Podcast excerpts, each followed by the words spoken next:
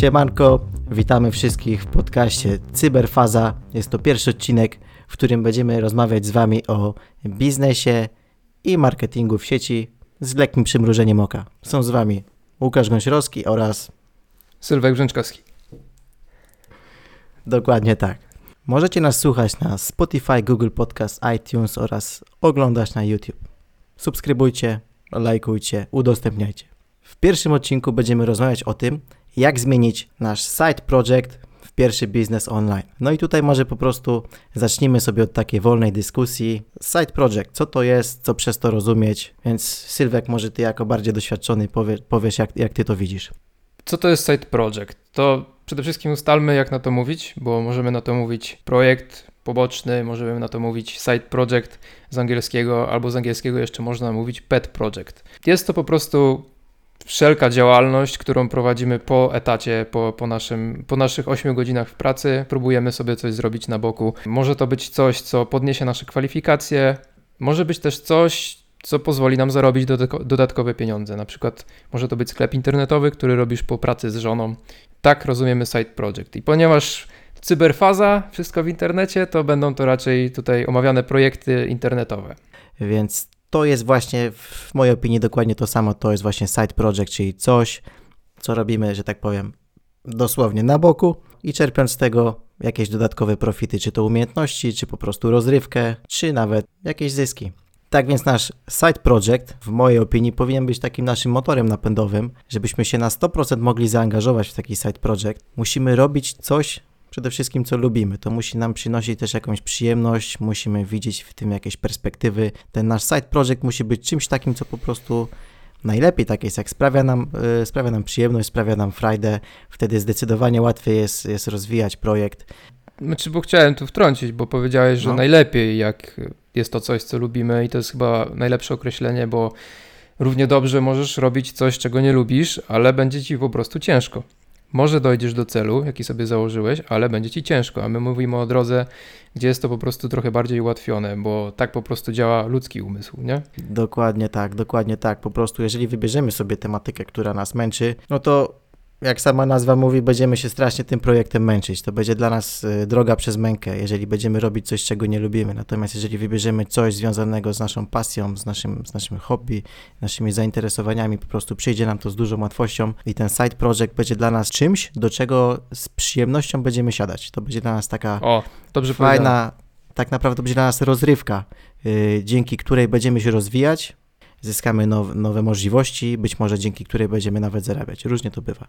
Myślę, że w tym momencie, jak jeszcze zastanawiamy się nad definicją side projectu, powinniśmy rozróżnić dwa cele, dla których robimy ten side project. Pierwszy to jest czysto finansowy, czyli robimy ten side project po to, żeby zarobić na nim, a drugi to jest po to, żeby właśnie zmienić e, swoje kwalifikacje. Dlaczego to jest ważne w tym momencie? Ponieważ zupełnie inaczej trzeba podejść do projektu, na którym chcesz zarabiać, od projektu, nad którym siedzisz, żeby się nauczyć czegoś. Jeśli siedzisz nad projektem, z którego się chcesz coś nauczyć, to możesz spędzać za dużo, że tak powiem, czasu na rzeczy, które może są nieistotne. W sensie chcesz dopracować jakieś szczegóły do perfekcji, chcesz się nauczyć nowego narzędzia. Nie wiem, właśnie załóżmy ten sklep internetowy chcesz założyć. No to robisz to tylko po to, żeby się nauczyć zakładać sklepy internetowe, no to na przykład bierzesz sobie jakiś system na warsztat, na przykład Shoplo i chcesz go poznać do granic możliwości, tak żebyś mógł potem na przykład freelancersko swoim klientom stawiać sklepy.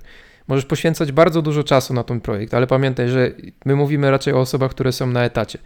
Takie osoby nie mają za dużo czasu, czy rano przed pracą, czy po pracy. Jeszcze przecież są inne zajęcia, jak jakiś sport, czy, czy nie wiem, wyjście z kobietą, czy z żoną rodzina, na, na tak. rodzina, tak, na spacer. I tacy ludzie po prostu nie mają czasu na to. Więc jeżeli Twoim celem nie jest zarabianie, to możesz pójść w imersję, zatop się po prostu w tym projekcie i zrób go jak najlepiej potrafić i rób co chcesz. A w Tutaj przypadku, może chcemy... od razu tak no? wtrącę, co? Żebyś tak chociaż z grubsza powiedział, co to jest ta imersja. Imersja to jest taki stan, w którym jesteś wchłonięty przez coś. Jesteś po prostu otoczony zewsząd tym tematem. Na przykład jak się uczysz angielskiego, no to słuchasz radia po angielsku z internetu, oglądasz filmy po angielsku z napisami po angielsku, masz menu telefonu w języku angielskim na przykład. To jest imersja. Mi jako programiście jest bardzo łatwo o tym mówić, bo imersja imersja jest bardzo e, mi bliska, ponieważ żeby się zatopić w bardzo dobrze w jakimś projekcie, żeby bardzo dobrze rozwiązać problem i dojść do końca, dojść do rozwiązania, to po prostu musisz stosować imersję. Musisz się zatopić w tym projekcie, musisz go zrozumieć, musisz go pokochać. To jest imersja. I imersja jest super. Powinieneś sobie dać, dać szansę wejść w imersję w temacie, który chcesz robić. Też mi się tak wydaje, że jeżeli już wchodzimy w side project, to ta imersja jest tak naprawdę niezbędna, ponieważ jeżeli my będziemy podchodzić do tematu pobieżnie, bez tej imersji to wszystko będzie takie powierzchowne. Jeżeli zastosujemy imersję, to dokładnie tak jak mówisz, będziemy mieli to dookoła siebie i dzięki temu lepiej to przyswoimy. Najlepiej, jeżeli mamy też ludzi, z którymi możemy rozmawiać na temat naszych projektów, wtedy to już jest w ogóle, to już jest, to już jest coś na zasadzie mastermind. Wiadomo o co chodzi.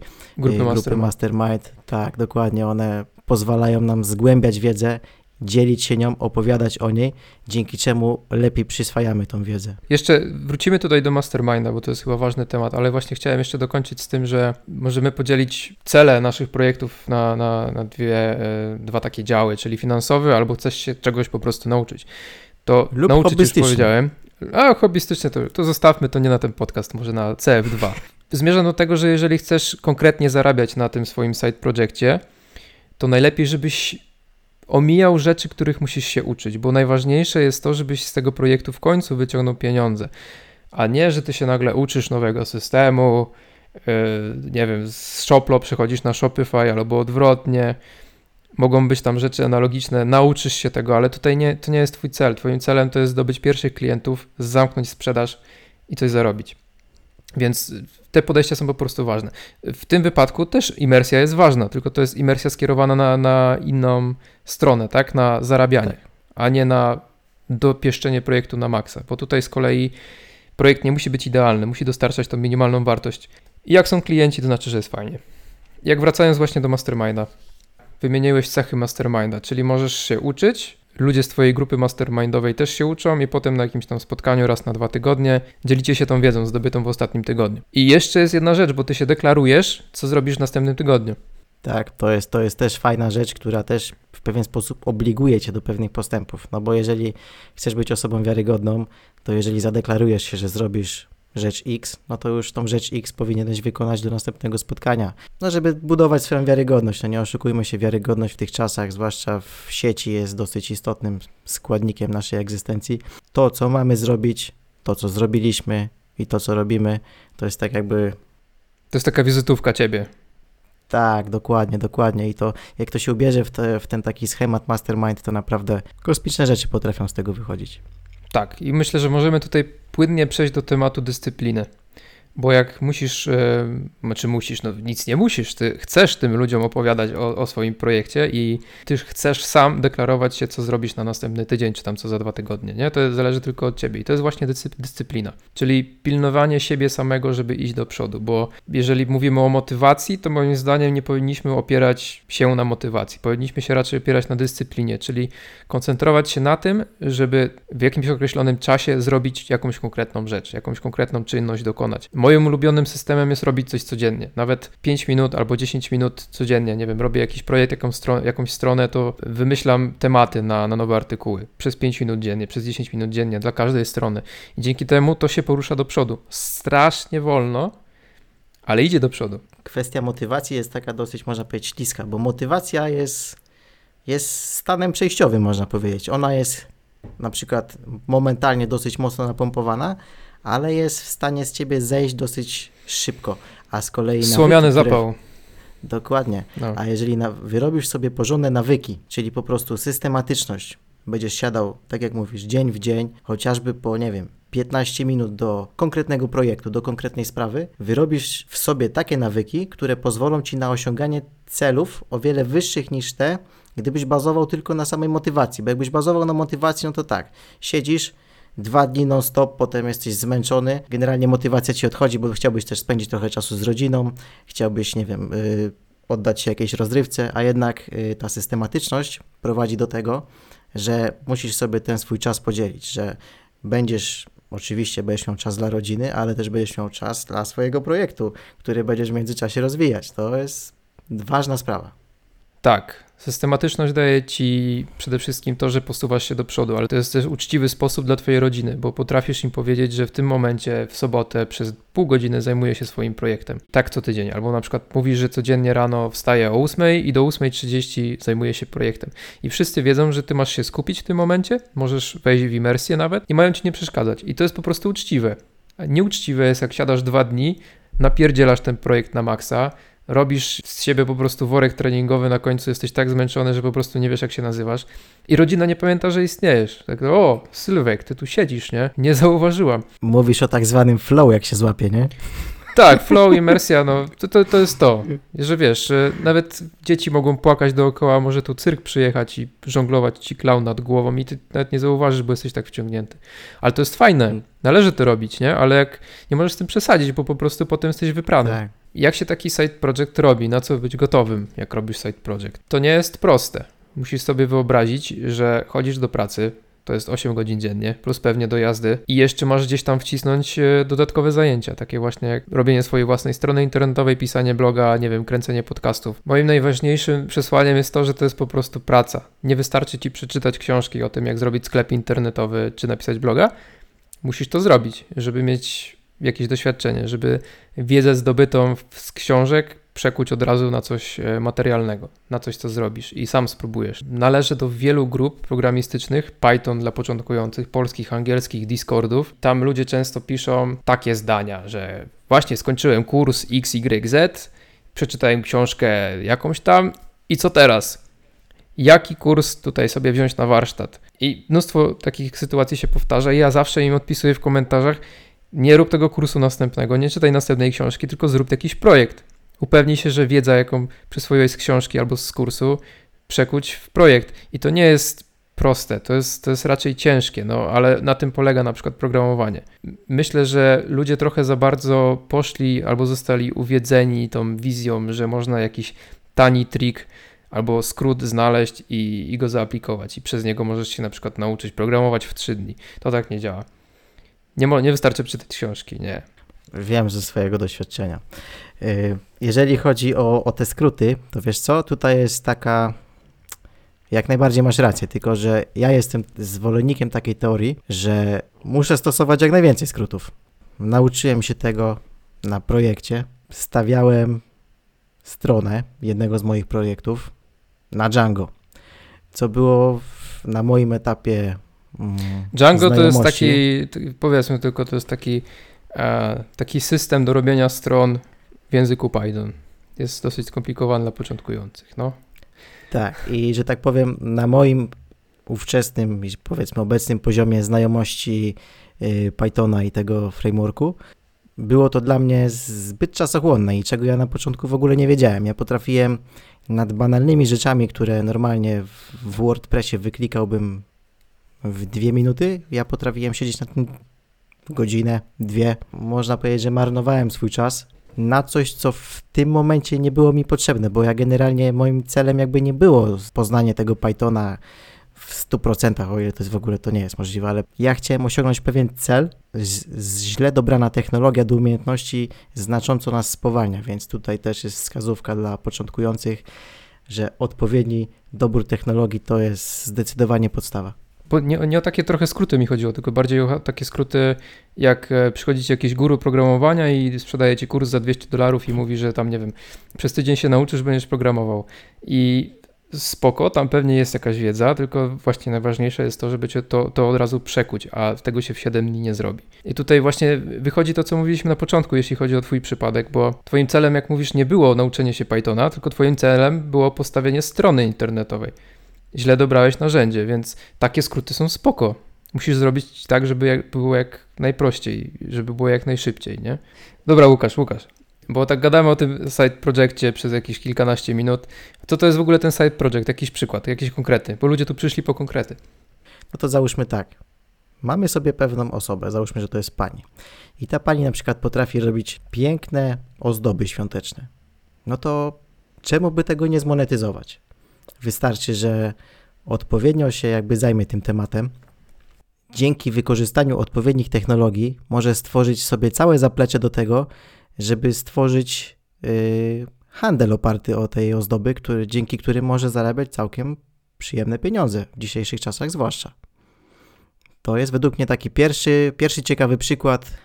Ja jeszcze mam tak, takie tutaj przemyślenie na temat y, tych naszych projektów. Musisz się przygotować, że twój pierwszy projekt prawdopodobnie okaże się niewypałem. Bardzo prawdopodobne jest to, że nie będziesz potrafił tego produktu sprzedać. To się objawia tym, że spędzasz dużą ilość czasu, godzin nad konkretną rzeczą, tworzysz, inwestujesz czas, być może nawet inwestujesz pieniądze, a nie sprawdzisz, czy, czy, czy to w ogóle jest rynek na to.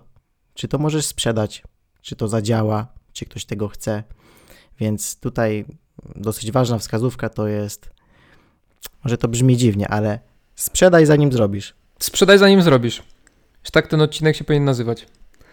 No, no powinien. Dobrze powiedziane. Sprzedaj zanim zrobisz, ale rozwij, co masz na myśli. Sprzedaj zanim zrobisz. Sam fakt, że jeżeli tworzymy jakikolwiek produkt, załóżmy, że to będzie produkt lub usługa, nie skupię się od razu na tworzeniu wielkiego zaplecza ludzi, po prostu zrób 50 sztuk konkretnego produktu i spróbuj je sprzedać. Nie inwestuj w tysiące, w dziesiątki tysięcy, w setki tysięcy sztuk, tylko na przykład zainwestuj w 50, zrób do tego najprostszą stronę internetową opartą o, o gotowy system, który będzie kosztował Cię 50 zł miesięcznie, przygotuj regulamin, wystartuj z, y, z kampanią marketingową i sprawdź, czy to się sprzeda. Nie startuj od razu z, y, z, inwestycją czasową, inwestowaniem w pełną infrastrukturę, zanim nie, nie sprawdzisz, czy dany produkt w ogóle, czy się sprzeda po prostu, czy będzie na niego popyt. Tak, możemy taki ekstremalny przykład znaleźć. Na przykład Twoim side projectem będzie wypożyczalnia samochodów egzotycznych, więc bierzesz kredyty na 10 milionów złotych, kupujesz Ferrari, Lamborghini, nie wiem, jakieś Maserati, to akurat ze 3, 3 wyjdą. Napisałeś wszędzie, że o, na wynajem. No i okazuje się, że się nie spina, że nie ma tyle wynajmujących, żeby pokryć E, raty Twojego kredytu. To jest taki przykład ekstremalny, tak? Że Twoim produktem jako usługa wypożyczalni samochodów jest to, że wypożyczasz komuś innemu samochód, a nie, że posiadasz milion samochodów i je wypożyczasz. Teraz to może taki przykład, skoro chcę mieć wypożyczalnię samochodów ekskluzywnych i nie chcę ich kupować, no to jak, jak w ogóle sprawdzić, czy ten pomysł się zepnie? Jak to zrobić? Masz jakiś pomysł? O, to jest ciekawe. No, pierwsze, co przychodzi do, do, na myśl, to jest wypożyczenie samochodu no ale jak już go wypożyczysz, to najprawdopodobniej w umowie będzie zapis, że nie możesz go ponownie wypożyczyć. Więc już. Yy... Jak wypożyczysz już z jakiejś istniejącej wypożyczalni. Tak, więc yy, no. ten pomysł prawdopodobnie odpada, ale możesz zapisać się do klubu, w którym członkowie mogą wypożyczać super samochody. Oczywiście jest to kosztowne, ale na pewno jest to o wiele tańsze niż kupienie samochodu za kilka milionów. Być hmm. może któryś z właścicieli tych super samochodów pozwoli ci to auto wynająć na określonych warunkach. No dokładnie, bo też tak ludzie mają, że nie wiem, załóżmy chcesz koszulki robić, drukować jakieś napisy na koszulkach i sprzedawać. O, oryginalny pomysł, nie? I widzisz w szwalni, że im więcej tych e, sztuk zamawiasz, tym taniej się robi. I to chyba tak ludzi przekonuje, żeby a tam dołożę 10 tysięcy, przecież i tak pójdzie, to, to już to zamówię. Nie, tam co z tego, że ci koszulka wyjdzie za 20? Weź, zrób jedną za 150, zrób 5 za, nie wiem, 100 już na przykład i zobacz, spróbuj je sprzedać. Dobra, jesteśmy na etapie walidacji yy, pomysłu, więc yy, co jeśli nie mamy działalności gospodarczej, spółki? Co możemy w tym przypadku zrobić? Nie wszyscy mają działalność gospodarczą, więc jeżeli chcesz spróbować tylko, czy twój pomysł wypali, to mamy w Polsce dostępne ja co najmniej dwa sposoby znam, więc możesz zrobić tak.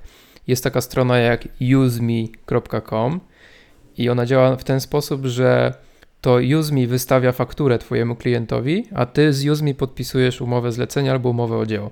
UseMe Ci płaci, przyjmuje też płatność od Twojego klienta i jest spoko.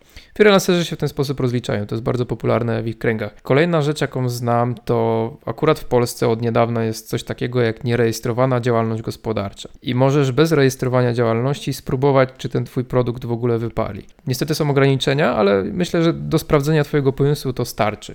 Mianowicie, jeżeli przekroczysz przychód, tak, czyli przychód to jest ta kasa, którą dostajesz na konto. Nie odejmujesz od tego kosztów, jakie ponosisz, tylko to jest wszystko, co dostajesz na konto. Jeżeli ten przychód jest e, większy od połowy minimalnego wynagrodzenia, czyli to będzie jakieś 1000 zł, to musisz zarejestrować tą działalność już wtedy. I masz na to 7 dni. Także musisz się bardzo pilnować, żeby tej kwoty nie przekroczyć. Polskie prawo ci daje taką możliwość i to jest super. Nie trzeba płacić ZUS-u na początku, nie trzeba rejestrować tej działalności, nigdzie nie musisz być. A jak masz mniej niż 26 lat, to chyba nawet podatku dochodowego nie musisz od tego. A to, to już to nie wchodzę, bo, bo ja tam nie jestem doradcą podatkowym. No, jestem starszy. Dobra. Jestem starszy. No dobrze, ale Łukasz, to teraz ty mi powiedz, ty cwaniaczek taki jesteś. Bo słuchaj, bo znowuż zrobiliśmy to, czego nie mieliśmy robić, czyli żeśmy zbudowali infrastrukturę, czyli mamy tak, mamy stronę internetową w WordPressie postawioną dwie godziny, mamy usługę, mamy formę prawą, czyli na przykład niezarejestrowaną działalność gospodarczą. Teraz mamy jakiś pomysł na swój side project po pracy, ale jak w ogóle sprawdzić, czy ten pomysł się przyjmie? Powiedziałeś, żeby wystawić na sprzedaż, no ale i co, ktoś przyjdzie i kupi? Ale powiedz konkretnie jaki pomysł, no bo tutaj walidacja jest yy, no, weźmy na różna przykład ten... w stosunku do, do, do podjętych działań konkretnego projektu. No weźmy na przykład tą panią, co robi sobie ozdoby świąteczne i jak sprawdzić, czy te ozdoby w ogóle się sprzedają? Najpierw zaczynamy od tego, żeby stworzyć może nie portfolio, ale przynajmniej galerię naszych produktów, żebyśmy po prostu mogli się czymś okazać, pokazać co tworzymy, w jaki sposób, że to jest wartościowe. Musimy mieć spis produktów, menu, nie wiem jak to nazwać w tej chwili, ale po prostu musimy mieć, wi musimy wizualnie klientom pokazać, co sprzedajemy, musimy to opisać.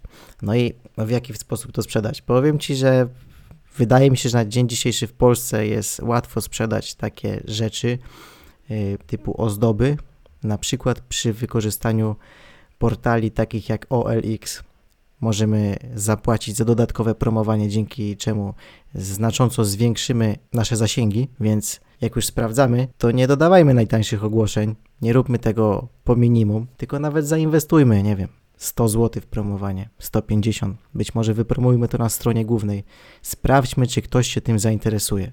Najpierw musimy dotrzeć do ludzi, żeby dowiedzieć się, czy oni będą tego chcieli. Bo jeżeli my to wystawimy nawet na sprzedaż, a tą ofertę zobaczy 20 osób, no to prawdopodobnie nie nawet nie zwalidujemy tego, bo, bo jest to za mała liczba ludzi, żeby po prostu sprawdzić to. Prawdopodobnie.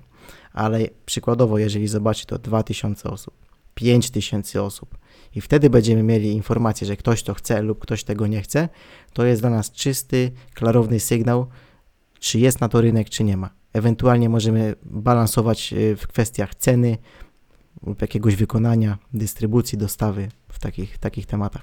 Rozumiem, fajnie, zgodzę się, że właśnie fajne jest to, że nie musisz od razu swojego sklepu internetowego stawiać, tylko korzystasz z OLX-a. Tam masz dostęp do wielu ludzi, wystawiasz płatną reklamę i jest ok. To jeszcze powiem może, żeby się dowiedzieć, czy ludzie w ogóle to kupują, bo może twój pomysł jest oryginalny i chcesz w ogóle zobaczyć, czy ludzie to biorą. Ale jeżeli masz nieoryginalny pomysł, na przykład, nie wiem, pieczesz chleb, pieczesz chleb i wysyłkową sprzedaż robisz, nie? To, to jest jakaś innowacja, że robisz wysyłkową sprzedaż chleba. E, ale chleb sprzedaje dużo biznesów w Polsce, więc żeby zobaczyć, czy jest rynek na chleb, oczywiście, że jest, no bo każdy je chleb w tym momencie, ale załóżmy, że to nie jest oczywiste. No to możesz się po prostu przejść do lokalnego sklepu z pieczywem i zobaczyć, posiedzieć tam przez dwie godziny i zobaczyć, ile ludzi tam kupuje, jakie są średnie ceny. Mniej więcej policzyć, jakie mają przychody i pomyśleć, czy, czy to ci się opłaca. Potem zobaczyć sobie e, na dane e, z GUS-u, ile takich w ogóle biznesów jest. Możesz na przykład znaleźć spółkę, która piecze chleb, wejść na stronę KRS-u, zobaczyć jakie ma przychody, koszty, jakie ma, jaką ma gotówkę, jaką ma rezerwę. I to będzie dla ciebie jasny sygnał, czy są ludzie, którzy już kupują ten chleb, a ty im tylko zaoferujesz nową formę, czyli właśnie wysyłkową. Że nie wiem, subskrypcyjną, że codziennie rano dostaniesz nowy chleb. No, akurat z Pocztą Polską to średnio, nie? ale nie wiem, rowerem dostarczysz czy coś. Zahaczamy generalnie o kolejny temat. Jeżeli tworzymy cokolwiek, to jest taki główny podział. Albo jesteśmy tak zwanymi fast followers, czyli tworzymy coś, co już jest, tylko przykładowo robimy to lepiej, albo wychodzimy z czymś zupełnie nowym. I tutaj jest y, strategia w jednym i w drugim przypadku jest totalnie, totalnie inna, skrajna, różna, ponieważ jeżeli wychodzimy z czymś zupełnie nowym, my musimy ten rynek edukować. Nikt nie wie o istnieniu naszego produktu, ale w przypadku, kiedy wychodzimy z czymś, co już jest, to możemy zrobić to w sposób taki. Używasz tego? Zobacz, ja też to mam. Lepsze, fajniejsze, tańsze. Może sprawdź, mój produkt jest lepszy niż ten od konkurencji. Ludzie generalnie są bardzo często zablokowani na robienie rzeczy, które już są. O wiele łatwiej zrobić jest projekt podobny do czegoś, co już istnieje, niż tworzyć coś zupełnie innowacyjnego. Bo jeżeli nie mamy dużego budżetu, a nawet stworzymy coś innowacyjnego, to nie będziemy w stanie wyedukować te, tego rynku, nie będziemy też w stanie odpowiednio uciekać konkurencji. No bo jeżeli przyjdzie inwestor, zobaczy, że my robimy coś innowacyjnego, nie mamy na to środków, on przyjdzie z pieniędzmi i zrobi to o wiele szybciej i lepiej. Dokładnie. Nie mogę się bardziej zgodzić. Bardzo ważna sprawa. Albo robimy coś, co już istnieje, i ja to rekomenduję, albo wychodzimy z czymś zupełnie nowym. Oczywiście mamy przewagę, bo mamy innowacyjność, ale żeby tą innowacyjność zachować, no to dużo pracy przed nami. Załóżmy, że projekt się rozwija, że po pracy coraz więcej klientów chce od ciebie kupować Twoje produkty lub Twoje usługi i po prostu nie masz czasu, a przecież nie możesz zrezygnować z pracy, albo jeszcze nie możesz zrezygnować z pracy. To co z tym fantem zrobić? Olewać tych klientów, którzy przybywają, czy jest jakiś inny sposób? Nie no, myślę, że olewanie klientów to jest najgorsza możliwość w ogóle. My budujemy swoim imieniem, nazwiskiem tak naprawdę naszą markę osobistą lub jakiś y, brand, pod którym kryjemy na, na nasz projekt, więc olewanie klientów odpada całkowicie. Dobra, ma sens. Y, sprawa wygląda tak, że no na pewno musimy się skalować.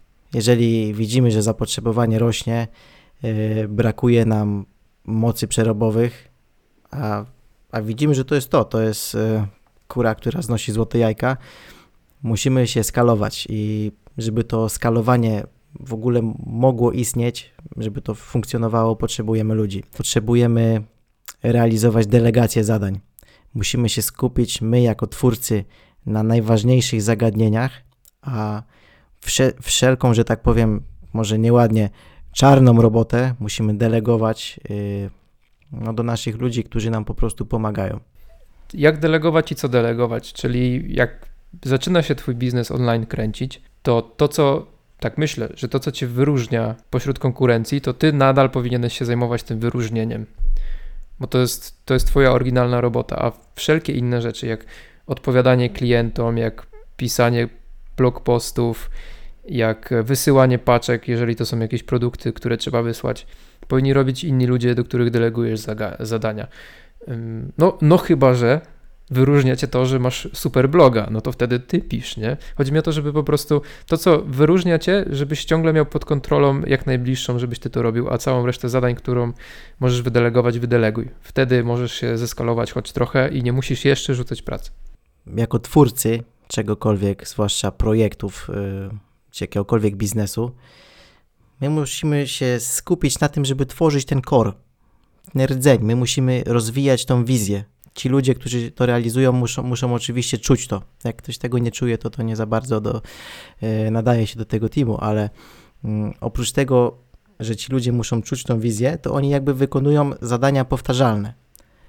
A ty jesteś po to, żeby, tak jak mówiłeś, ten wyróżnik, który powoduje, że twój projekt jest rewelacyjny, że się rozwija, e, że ma potencjał, że jest na niego rynek, ty musisz się skupić na tym, żeby ten wyróżnik wciąż był aktualny, żeby to wszystko się rozwijało i żeby to wszystko funkcjonowało tak jak należy.